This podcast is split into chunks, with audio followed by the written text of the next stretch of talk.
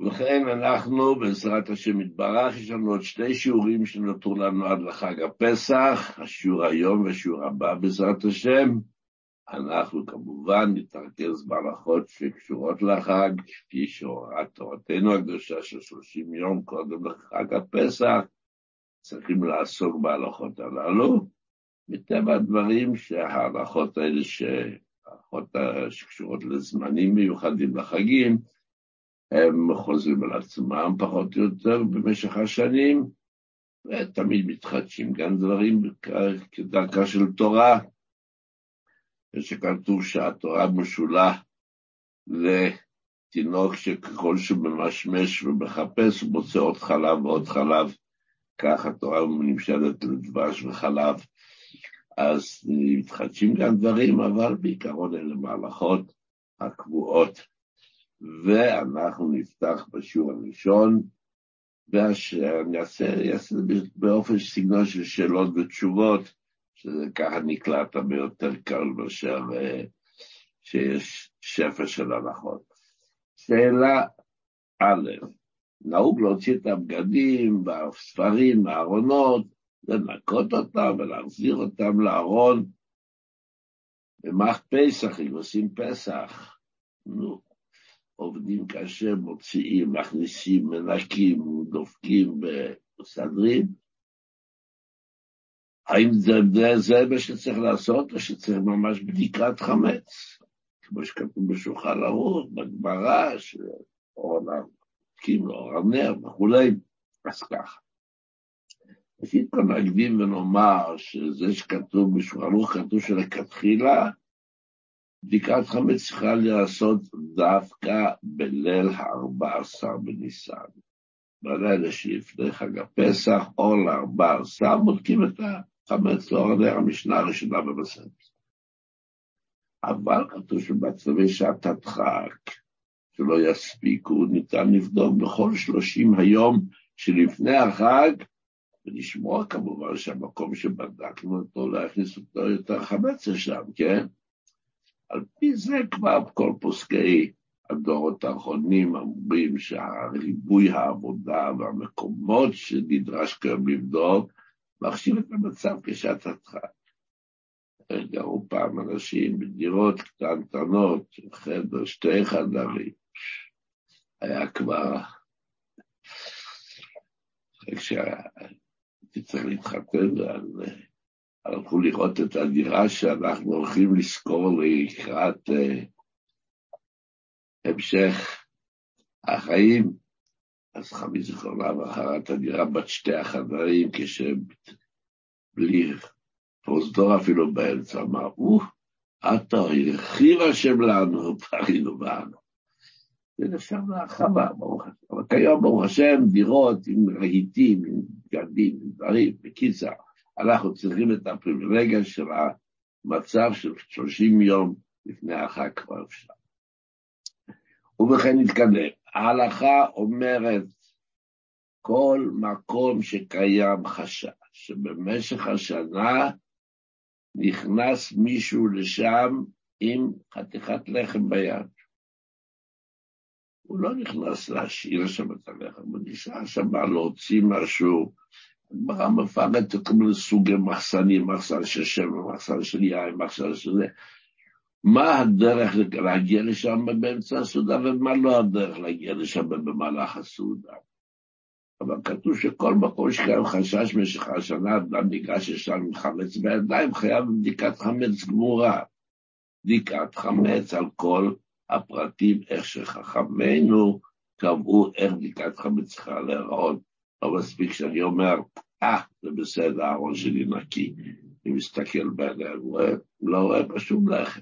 לא, לא, צריך בדיקת חמץ, אז אני אתרכז עוד מעט ונדבר איך אנחנו יוצאים את הבדיקת החמץ הזאת, ובלי להיכנס לנרבים מיותרים, אנחנו מתכוונים לפשט את הדברים באופן שיתקבלו ויאפשרו לנו לעשות את זה בכיף.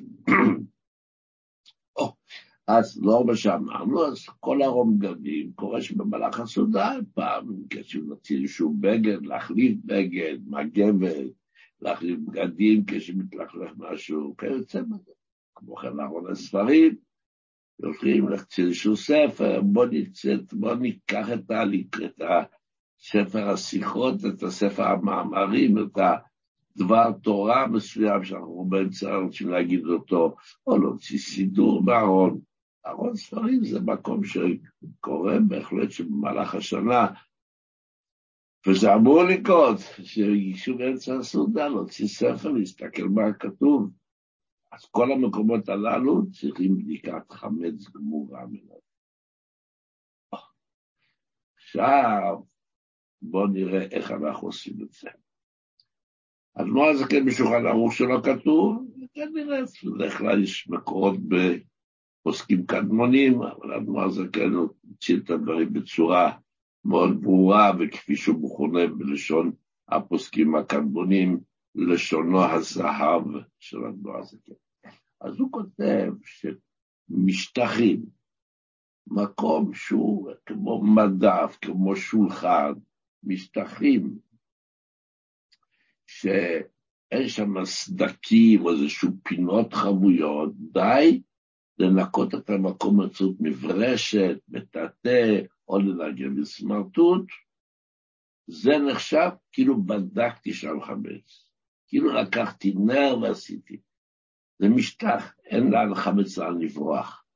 אנחנו מנקים, שוטפים, מנגבים, טיפ-טופ, נראה שהשולחן נראה נקי, המדף נראה נקי, זה מספיק. יופי. אם ככה, אם כל משטח שהם שם סדקים או פינות חבויות, די בניקוי המקום, וזה נחשב בדיקת לא מחמץ, אז אנחנו מסתדרים יפה מאוד במדפים. אנחנו לוקחים מדף של הארון, ענפים שאפשר להוציא אותם החוצה, כלומר, אם המדף תקוע שם, יש לו בטח גם כן את הפינות שם, ששם יכול להתחבר חמץ. אבל אם מדובר במדפים שאפשר להוציא אותם, אני מוציא את המדף, מנקר אותו, מחזיר אותו, עשיתי בדיקת חמץ. עוד דבר, הדפנות של הארון, התקרה, הרצפה של הארון. כן, כל המקומות הללו, בארונות הבגדים והספרים, שם מסתבר שאין חמץ בפינות החבויות, רק לא יונח שם חמץ על המדף, תוך כדי שחיפשנו משהו ושכחנו אותו שם, לכן מספיק, לא צריך יותר מזה. כמובן בתנאי, כפי שאמרנו בתחילת השיעור, שמאז שאנחנו עושים את הפעולה הזאת, עד חג הפסח, אנחנו לא לא, שומרים שלא יכניסו לשם חמץ, אבל לא יכנסו לשם חמץ, כן? אז, אה, אבל, למשל בארונות המטבח, שם יש חמץ בקביעות, שם באמת, הפינות החבויות לא די בניגוף, שם יותר משטחים, יש שם גם את הפינות, ואם אנחנו לא יכולים להוציא את המדף החוצה, וזה ארונות קבועים, אז בהחלט אנחנו צריכים שם בדיקת חמץ. עכשיו, מה זה אומר בדיקת חמץ? זה אומר שאנחנו מוצאים את כל הדברים שהיו שם בארון, מנקים, מנגבים, ומחכים ללילה, שאז לוקחים נר ביד, מדליקים אותו, וניגשים לפינות החבויות שבארונות המטבח, רואים שהכל בסדר, כן, בדיקת חמץ בלי ברכה, עד לליל 14, כן, עד ללילה של בדיקת חמץ, כל הבדיקות חמץ שאנחנו עושים, למרות שמחויבים על פי תורה, ברכה עושים רק על הבדיקת החמץ שבלילה שלפני חג הפסח או על 14. אבל אנחנו נעשה את הבדיקת חמץ, אז ואז נחזיר את כל הדברים חזרה לארון, כפי שאנחנו מתכננים, ונשמור שמאז עד חג הפסח לא יכניסו לשם חמץ. עכשיו, האם אפשר לבדוק אולי לאור היום, למה צריך לחכות הלילה? יש לו בית עם הרבה חלונות, ופתוח והכול. התשובה היא שלבדוק לאור היום זה לא פשוט. הכתוב ראשית כל כתוב שרק הדחק בודקים באור היום, וגם זה אפשר אך ורק או במרפסת פתוחה, או מול החלון הפתוח, שהוא שערון שנמצא איפה שם מאחורי פינת החדר, כן? ופה ממול יש לי חלון פתוח, אם מול החלון הפתוח נמצא המקום שאני צריך לבדוק אותו, אני יכול לבדוק אותו לאור הנר, בלי זכוכית צריך להזיז את ה... לפתוח את החלונות ולהסתכל ולראות, אין חמץ, זה בסדר. לא כנגד החלון הפתוח, רק בצדדים, לא, זה לא עובד ביום, אלא אם כן אתה לוקח איזשהו מגירה או מדף או משהו, מוציא את המרפסת הפתוחה, כן, חלונות פתוחים, ואתה בודק, זה גם כן עכשיו בדיקה טובה לא היום. אז כן, אז כפי שאמרנו, אם יש לנו מגירות, אם אפשר להוציא אותם מהמקום, כן, לשחרר אותם מהארון או מהשולחן כתיבה וכיוצא בזה, אפשר להוציא אותם, לבדוק אותם בחוץ לאור היום או כנגד החלון הפתוח, כפי שאמרנו בשעת הטרק, שאנחנו לא יכולים לחכות עד הלילה, אז זה בסדר. אם אפשר לחכות עם זה ללילה לאור הנר, אור הנר זה רק בלילה עובד, ביום לא עוזר אור הנר. בדיקה לאור הנר חייבת להיות בלילה. הם יכולים לחכות, עשינו ניקיון, הכל הכל, הכל נמצא בחוץ, אנחנו לא בעצבים קשים, אין מצב שצריכים עסוקים ילדים, אי אפשר.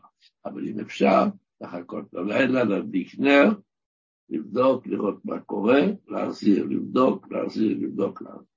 אם לא, כפי שאמרנו בשעת הדחק, אפשר לבדוק גם ביום, לאור החלון הפתוח, או להוציא אותו למרפסת הפתוחה. עכשיו, מה קורה שגם זה וגם זה אנחנו לא יכולים? כן, כפי שאמרנו, אנחנו בדור שמאוד לחוץ, ואיך נקרא לזה בלשון הכי נקייה? אנחנו מתעצבנים בקלות, יש את פשוט כל אריכות הגלות. אותותינו לא ראינו, מחכים לגאולה האמיתית והשלמה, ועוד יום ועוד שעה עוברים, והמצב לא נהיה יותר טוב. המצב הכללי, המצב הקל, חינוך הילדים שלא פשוט בדורנו. כל הדברים האלו מלחיצים אנשים שלא עומדים בזה, ומאוד כל דבר מרגש ומעצבן, מכניס למתח ומשבש את ההתנהגות בבית. ואנחנו לא מסתדרים לא עם חלום פתוח ולא עם נרות, אנחנו צריכים לגמור, תן לנו להתקדם. אם אי אפשר לחכות עד הערב, ואי אפשר לבדוק, כמו שאמרנו, באופנים שאלה, האופנים שכתובים בשולחן ערוך לבדוק, יש את ההמצאה, נקרא לזה בלשון, שחקרנו ועבדנו על זה לפני כמה שנים באריכות, שאם אנחנו מתיזים חומר חריף שפוסל, שגם אם יש את פירועי בית שמע, הם נהיים פסול, נפסלים מאכילת כלב, אז גם כי יכול לעבוד, אפשרות שלא נצטרך לבדוק שם את החמץ.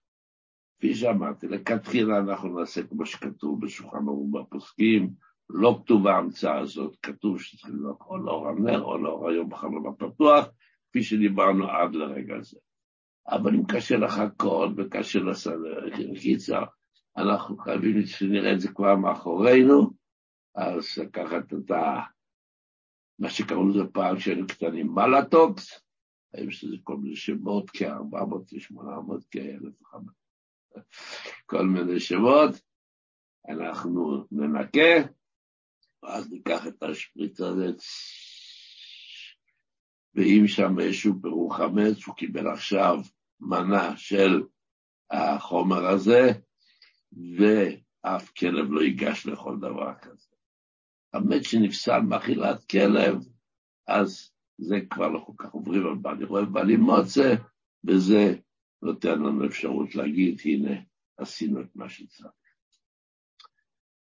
ובכן, אנחנו עוברים עכשיו לפרטי חובת בדיקת כיסא הבגדים, אופן בדיקת הכיסים הללו, וזמנה. ראשית כל, לדעת שכתוב בשולחן שגם אדם שאין דרכו להכניס לכיסים חמץ, אני, מה פתאום, אני נכניס בגרח לכיס, ואפלות לכיס. חכמים חוששים שפעם בהיסח הדעת היית עולה במצב לחוץ, והיה לך איזשהו משהו, היית צריך לתפוס ולהחזיק את הילד או לא משהו, ולהחזיק לו להכניס לכיס את הוואפלה שלו. חוששים שאולי בכל זאת הכנסת לכיסים חמץ, ולכן צריך לבדוק אותם קדים. ולכן, הבגדים שאנחנו לא עושים ללבוש אותם יותר עד חג הפסח, אז בודקים אותם לפני שמכניסים לארון. לוקחים את הבגדים הללו, פותחים חלון, לא חלון פתוח ביום, או בלילה, לא, כי זה כבר נשמע לי קצת אה, לא פשוט, אבל לפני שמאחסנים בארון עושים בדיקת חמץ, סובבים את הכיסים של הבגד, ובודקים או לאור הנר, או ביום מול החלון הפתוח. אבל שוב, אנחנו עכשיו מגיעים למצב הנפלא של השפע, הקדוש ברוך הוא נותן, דור השפע נקרא לזה, שיש ריבוי בגדים. שאל נא, שאל אביך ויגטרה, אני יכול לספר לכם, שאל. בדורות שלנו. היה זוג מכנסיים אחד, היה חולצה אחת אולי שתיים, ועברו בירושה מאח לאח, מאח הגדול, אח הקטן יותר, כך עם הנעליים, וכך עם המכנסיים, וכך עם כל בגד. ברוך השם, היום לכל ילד יש גרדרובה שלמה, ארון עם כמה וכמה זוגות מכנסיים וכמה וכמה חולצות, בלי עין הרע. כן ייתן השם וכן יוסיף, שפע ברכה והצלחה. אז כן, אז עכשיו קצת כבד, נהיה כבד את המסה של הבגדים שיש במשפחה סבירה. ככה כל בגד לקחת אותו מול החלון הפתוח, או... אז אם קשה, אז אפשר להסתפק בעובדה שכיום אנחנו לא מחפשים רק במים, מחפשים בחומרי כביסה, שהם פוסלים את, ה, את, ה, את הפירורים שלו, נשארו שם מאכילת, אולי לא מאכילת כלב, אבל מאכילת אדם, במקום אחר הערכנו להוכיח שלפעמים, שייתכן שגם זה עובד. אז ככה, את הבגדים שמאחסנים, בודקים אותם לפני שמכניסים אותם לארון, או שמסתמכים על זה שאנחנו שמנו מספיק חומרי כניסה שזה כבר לא ראוי לאכילה, והבגדים שעתידים ללבוש עד לחג, צריך לבדוק את המשל ביור חמץ, לא לשכוח, לא לשכוח. כשאנחנו יורדים לעשות בדיקת חמץ, אנחנו לבושים בבגדים, כי יש לנו בגד, כיסים וכיוצא בזה. אז בגדים שאנחנו הולכים עד ערב פסח, ואחרי כן אנחנו הולכים ללבוש בגדי חג, ולשים את הבגדים האלה הצידה, לא לשכוח, הבגדים האלה עדיין זקוקים לבדיקת חמץ. אז בשעת, בשעת, בשעת שרפת החמץ, או בשעות שכתוב בהלכה שעד השעה הזאת זה סוף זמן בירור חמץ, להספיק להגיע לחלום פתוח, למרפסת פתוחה, לסובב את הכיסים החוצה ולבדוק שהכל בסדר ואין שם חמץ. עכשיו, מה בנוגע לכל מיני כלים שאנחנו מאחסנים אותם במחסן, כלי חמץ, ומוכרים אותם לגוי, האם צריך לנקות אותם לפני כן? התשובה היא לא. לא צריכים לנקות אותם, אנחנו מוכרים, אנחנו בנוסח ששטר מכירת החמץ של אדמו"ר זקן, וככה נהוג בחלק גדול מהמקומות, כך לפחות היה נהוג פה בירושלים גם כן, אני לא יודע, נדמה לי שאולי שינו את הנוסח של השטרות, שככה שמעתי פעם שמועות, אל תיקחו את זה כמסקנה, ככה שמעתי ש... אבל בשטר של מכירה של אדמו"ר זה כן כתוב מפורש, שמוכרים גם את כלי החמץ, והכלים הללו, אם אתה יכול למכור חמץ לגוי, בטח אתה יכול, למכור כלים שמתחת לאוזני הסיר, אולי יש שם משהו שחור שדבוק שם איזשהו חמץ. לא צריך את הכלים האלה לבדוק, לקחת אותם כמו שהם, לנקות אותם כמובן מבחינה אסתטית, כן? ולשים אותם במחסן, איפה שמוכרים לגוי ושלום על ישראל. בפרט שהשחור בבוזני הסיר, ושאנשים נכנסות שם במשקים חדה להוציא משם את, ה, את, השחור הזה, הוא בטח אני שם במאכילת ילד. מה עם המטרה של הספונג'ה הגודל? אנחנו יודעים שבערב פסח, וואלה, לשמור, צריך להיזהר, לא להיכנס לעצבים ולא לכעס, חס ושלום.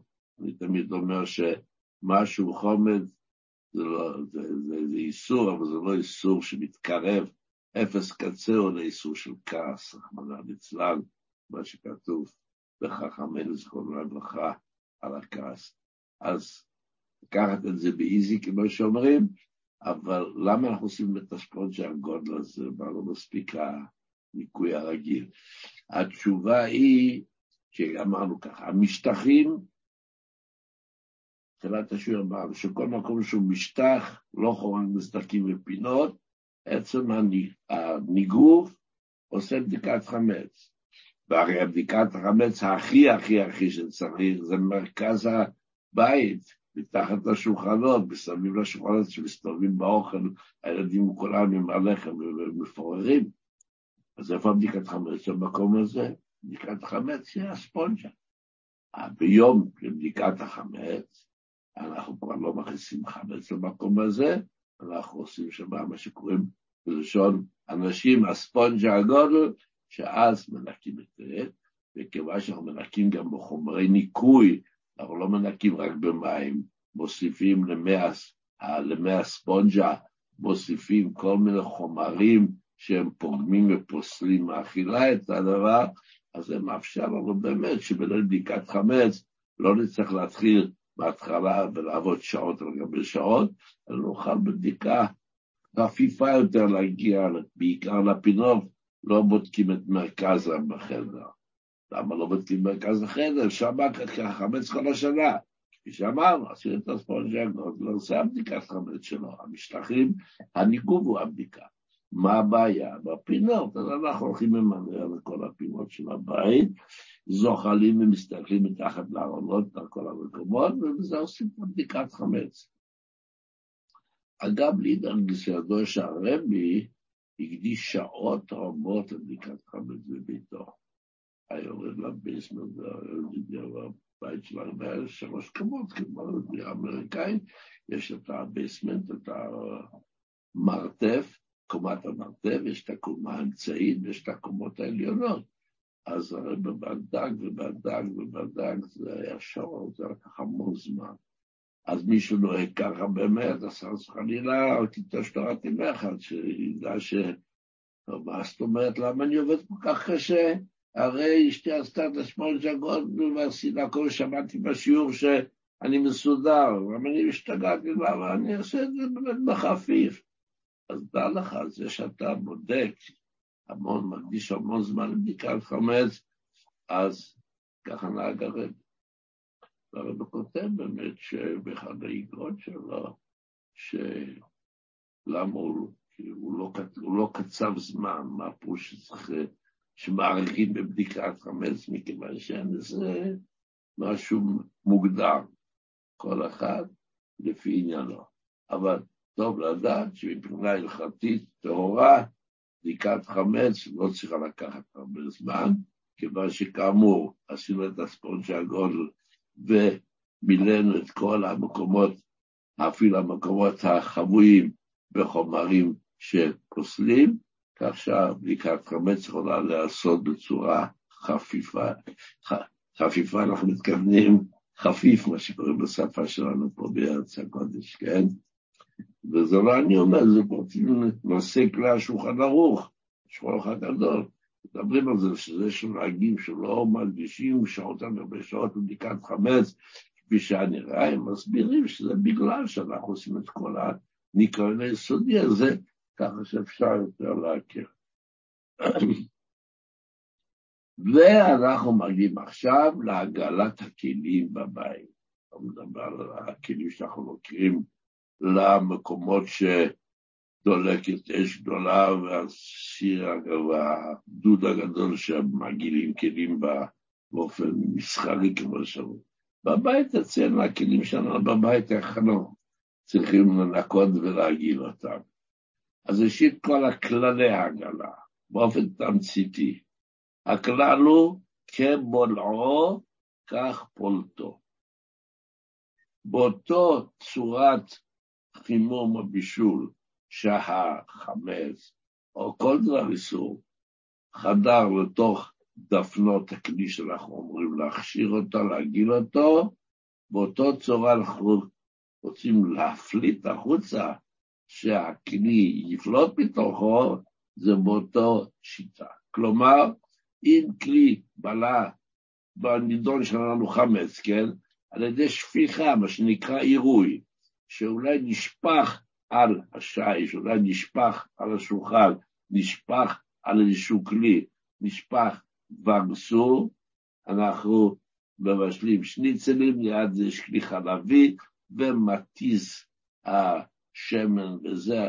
קיצר, אם כלי מקבל עליו את האיסור באמצעות עירוי שפיכה, ההגעלה שלו, להפליט לתוכו את האיסור תעשה גג בצורה הזאת, כך קום שים אותו על האש, או שים אותו בחשמל, קומקום חשמלי, שהמים מעלים אבעבועות, תפוס אותו ותשפוך אותו על הכלי שאותו אתה רוצה להגיד. הוא קיבל את האיסור בגדרון דידן את החמץ באמצעות שפיכה שנשפריץ עליו, ניתז עליו, אנחנו נפליט בתוכו את החמץ, את האיסור, באותה שיטה על ידי שפיכה עליו. כמובן, ביטוי ראשון שמלא בבות, זה לשכוח כל דבר שאנחנו רוצים להגיד, אנחנו רוצים לתת לו מנוחה של 24 שעות, שלא השתמשנו בו, בחמין, לפני שמגילים אותו. כדי שיהפוך למה שנקרא אין לו בן יום, אבל לא ניכנס עכשיו ללמה זה נדרש וכולי, אנחנו לא בשיעור של הגלת כלים, אנחנו רק אומרים את היסוד. יש לך כלי שחמץ, אתה רוצה להגיד אותו לפסח, אם חכה, בפעם האחרונה שהשתמשת בו בחמין, תן 24 שעות שהוא ינוח, ורק אחר כך תגיד. דבר נוסף, צריך להיזהר שהדבר שאני מגיע לא יהיה רטוב. ובלשון אדמו"ר זקן בשולחן שלא יצננו מעט את מי העגלה. אתה הולך להגיד אותו במים רוצים לשמוע לבעבורות, ואם הכלי הוא רטוב בעצמו, הרטיבות הזאת קצת עלולה לצנן מעט, כפי שאומרת, מהעגלה. עכשיו צריך לדעת עוד דבר חשוב, שבכל מקום שנדרשת עגלה, מספיק גם ליבון קל. מה זה ליבון קל? יש ליבון ליבון, שבמה שאנחנו מפעילים אש, איזה ברנר או משהו, שעד שהכלי הופך להיות לאדום. לא, זה לא, זה ליבון קשה.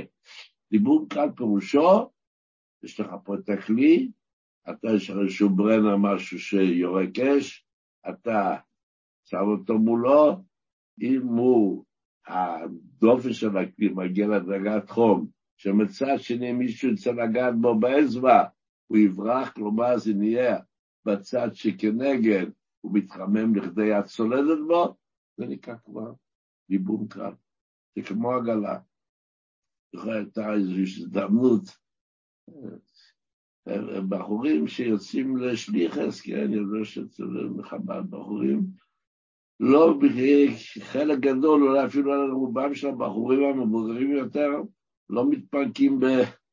מתענגים בשולחן החג הרגיל, הם יוצאים לשליחות לכל מיני מקומות נידחים, בחורים יצאו לבולגריה, אני לא זוכר, והגיעו לשם ממש בלילה של בקעת חמץ, והם רואים שכל הסירים וכל הדברים שהם צריכים לבשל לחג, לעשות את הליל הסדר הגדול, וכל ה...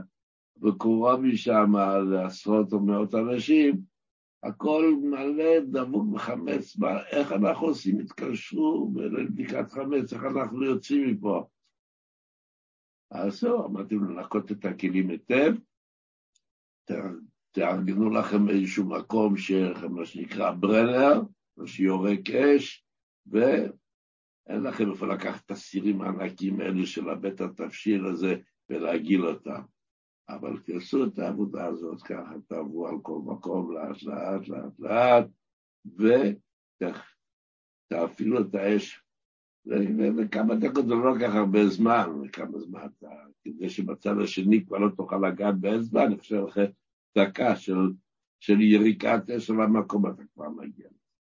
אז זה גם כשיטה, אם אנחנו רוצים להגיד בצורה כזאת, באמצעות אש. ובכן, עכשיו, אחרי שאנחנו למדנו את היסודות, שכמו לא כך פולטו, מה שנברא בעירוי יוצא בעירוי, ומה שנבלע על ידי שבישלנו בתוכו, שבתוך הכלי זה קרה הבליעה של החמץ, אז צריך להטביל אותו בתוך כלי שמלא אברבורות.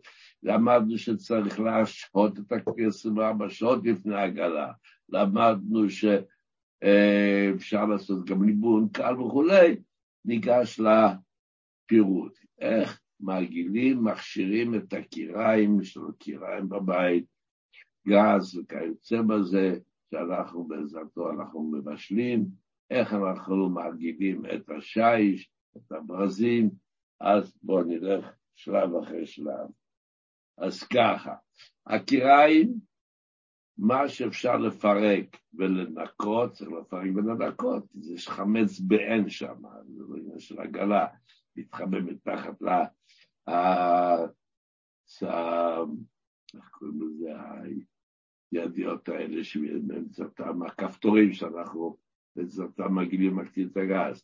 שם במשך השנה מצטבר, או בכל מיני מקומות אחרים חבויים בפינות שלה, בסדקים של הקיריים, של התנור גז שלנו, אז מה שאפשר לפרק ולהיכנס ולהוציא, להוציא, יש מקומות שם אפשר להיכנס ושם להשפריץ לתוכו חומר פוגם, להשפריץ חומר פוגם, לעשות את כל מה שאפשר לעשות כדי להיפטר מהחמץ בעין, כי הגלה לא עובדת על חמץ בעין, הגלה עובדת על חמץ שבלוע בדפנות הכלי, כן?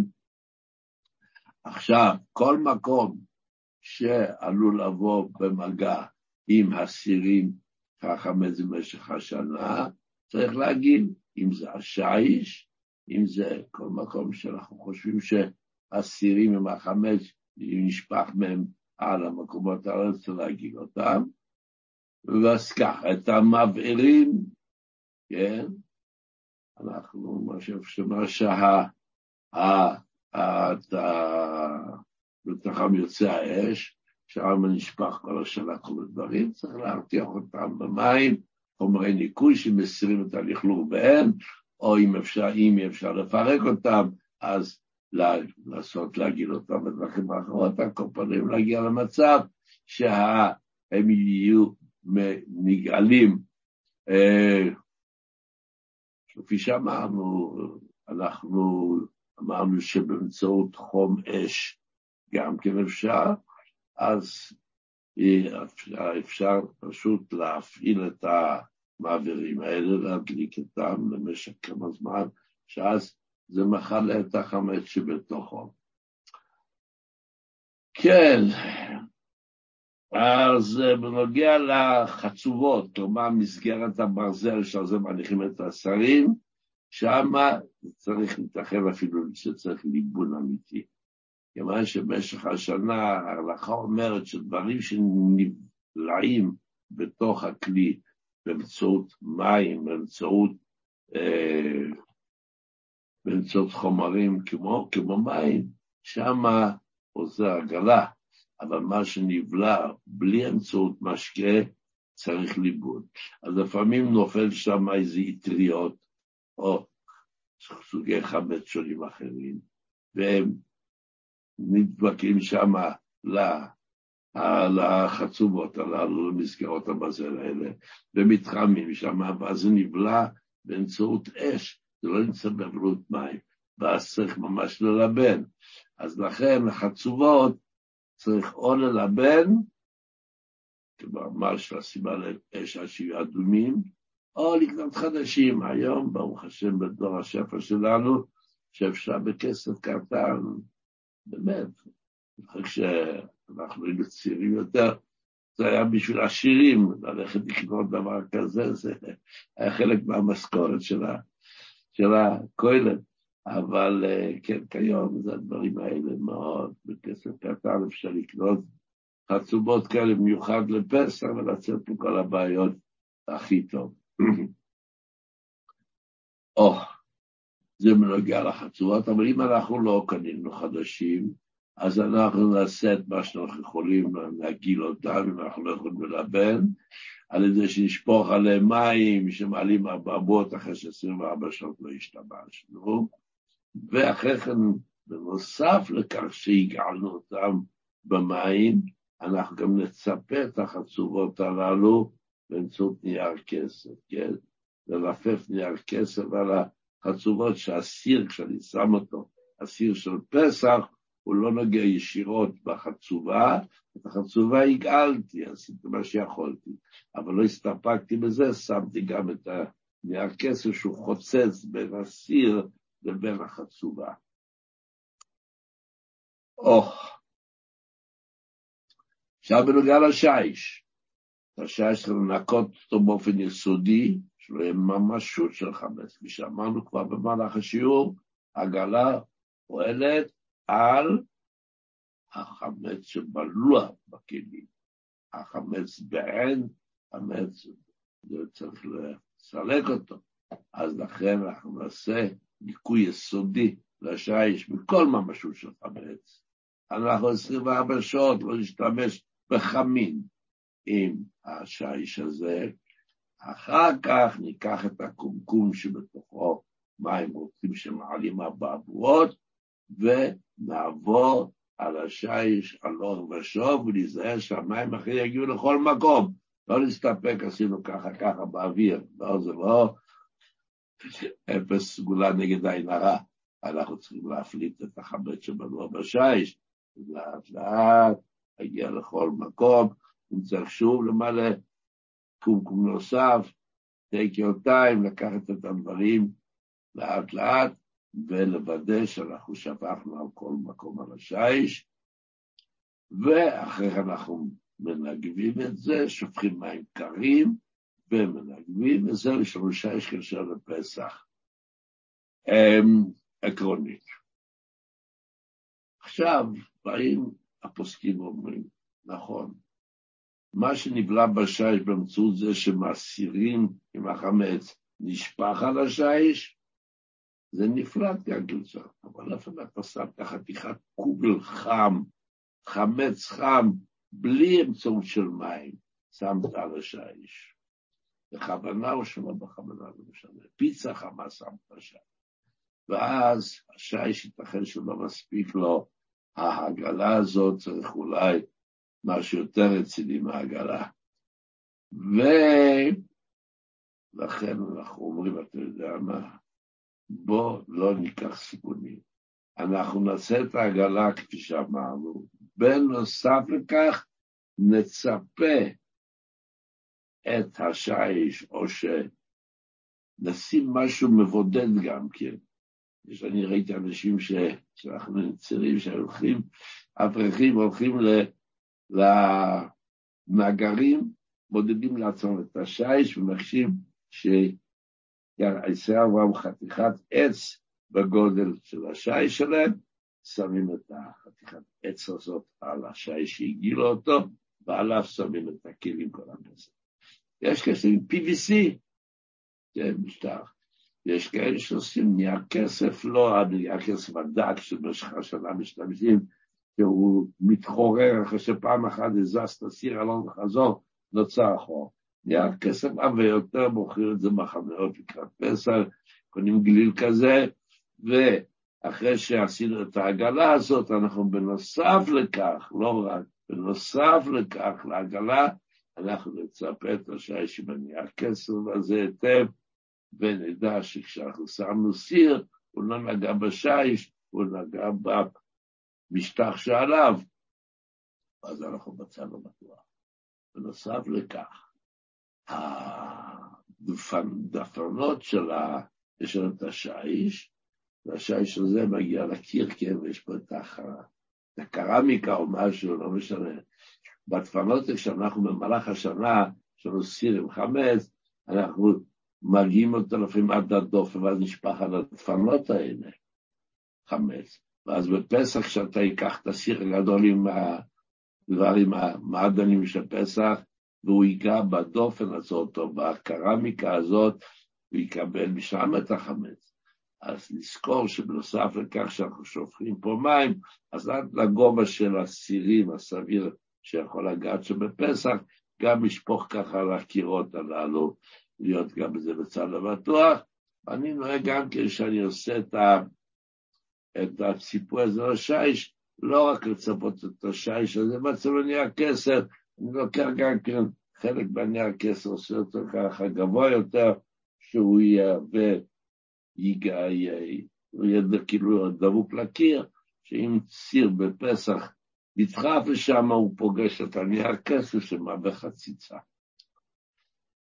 ובכן, השי שלנו כבר מוגל לפסח, יופי נהדר, אנחנו מגיעים לכיור. כיור ככה, כיור, כיור מתכת, מי שיש לו כיור מתכת, בעיקרון אפשר להגיל אותו, שוב, אחרי שאנחנו מנקים אותו במאה אחוז, ואנחנו נזהרים עשרים שעות להשתמש בו בחמים, אנחנו נשפוך מים רותחים שאומרים רבות לכל פינה ופינה.